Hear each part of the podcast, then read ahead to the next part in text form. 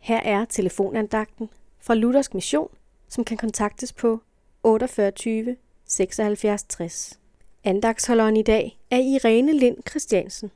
I dag er emnet noget. Det græske ord for noget er beslægtet med ordet for glæde. Nåden udtrykker Guds glæde om mennesker. Den er den troende største glæde. Den er en konsekvens af Guds kærlighed, og den betegner hans venlighed, velbehag, godhed og yndest over for os mennesker. At mennesker finder noget for Guds øjne betyder, at hans kærlighed til dem ikke er en bedrøvet eller vred kærlighed, fordi han skal elske dem, men en mild, god og glad kærlighed, fordi han vil elske dem og gøre det. Guds nåde omfatter mange ting, og det vil jeg nu give eksempler på. Først og fremmest omfatter Guds nåde vores sjæls frelse.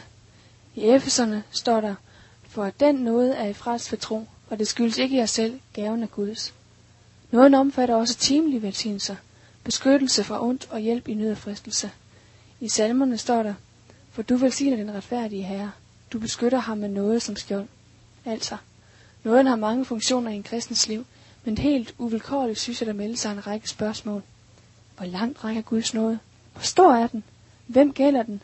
Hvad skal vi gøre for at få noget? Og hvad får vi i nåden? Jeg vil forsøge at give et samlet svar på disse spørgsmål ud fra det, der står i Bibelen. Guds nåde varer hele livet for den, der tager imod den. Den er så høj, som himlen er over jorden.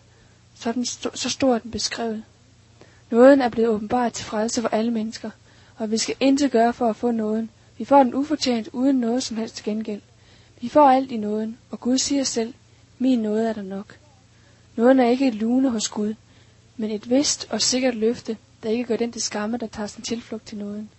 Når al din synd er borte, og det er den, hvis du har taget imod Jesus som din frelser, så er der kun tilbage at tage imod alle de velsignelser og gaver, og al den hjælp Gud i sin nåde vil give os. Amen.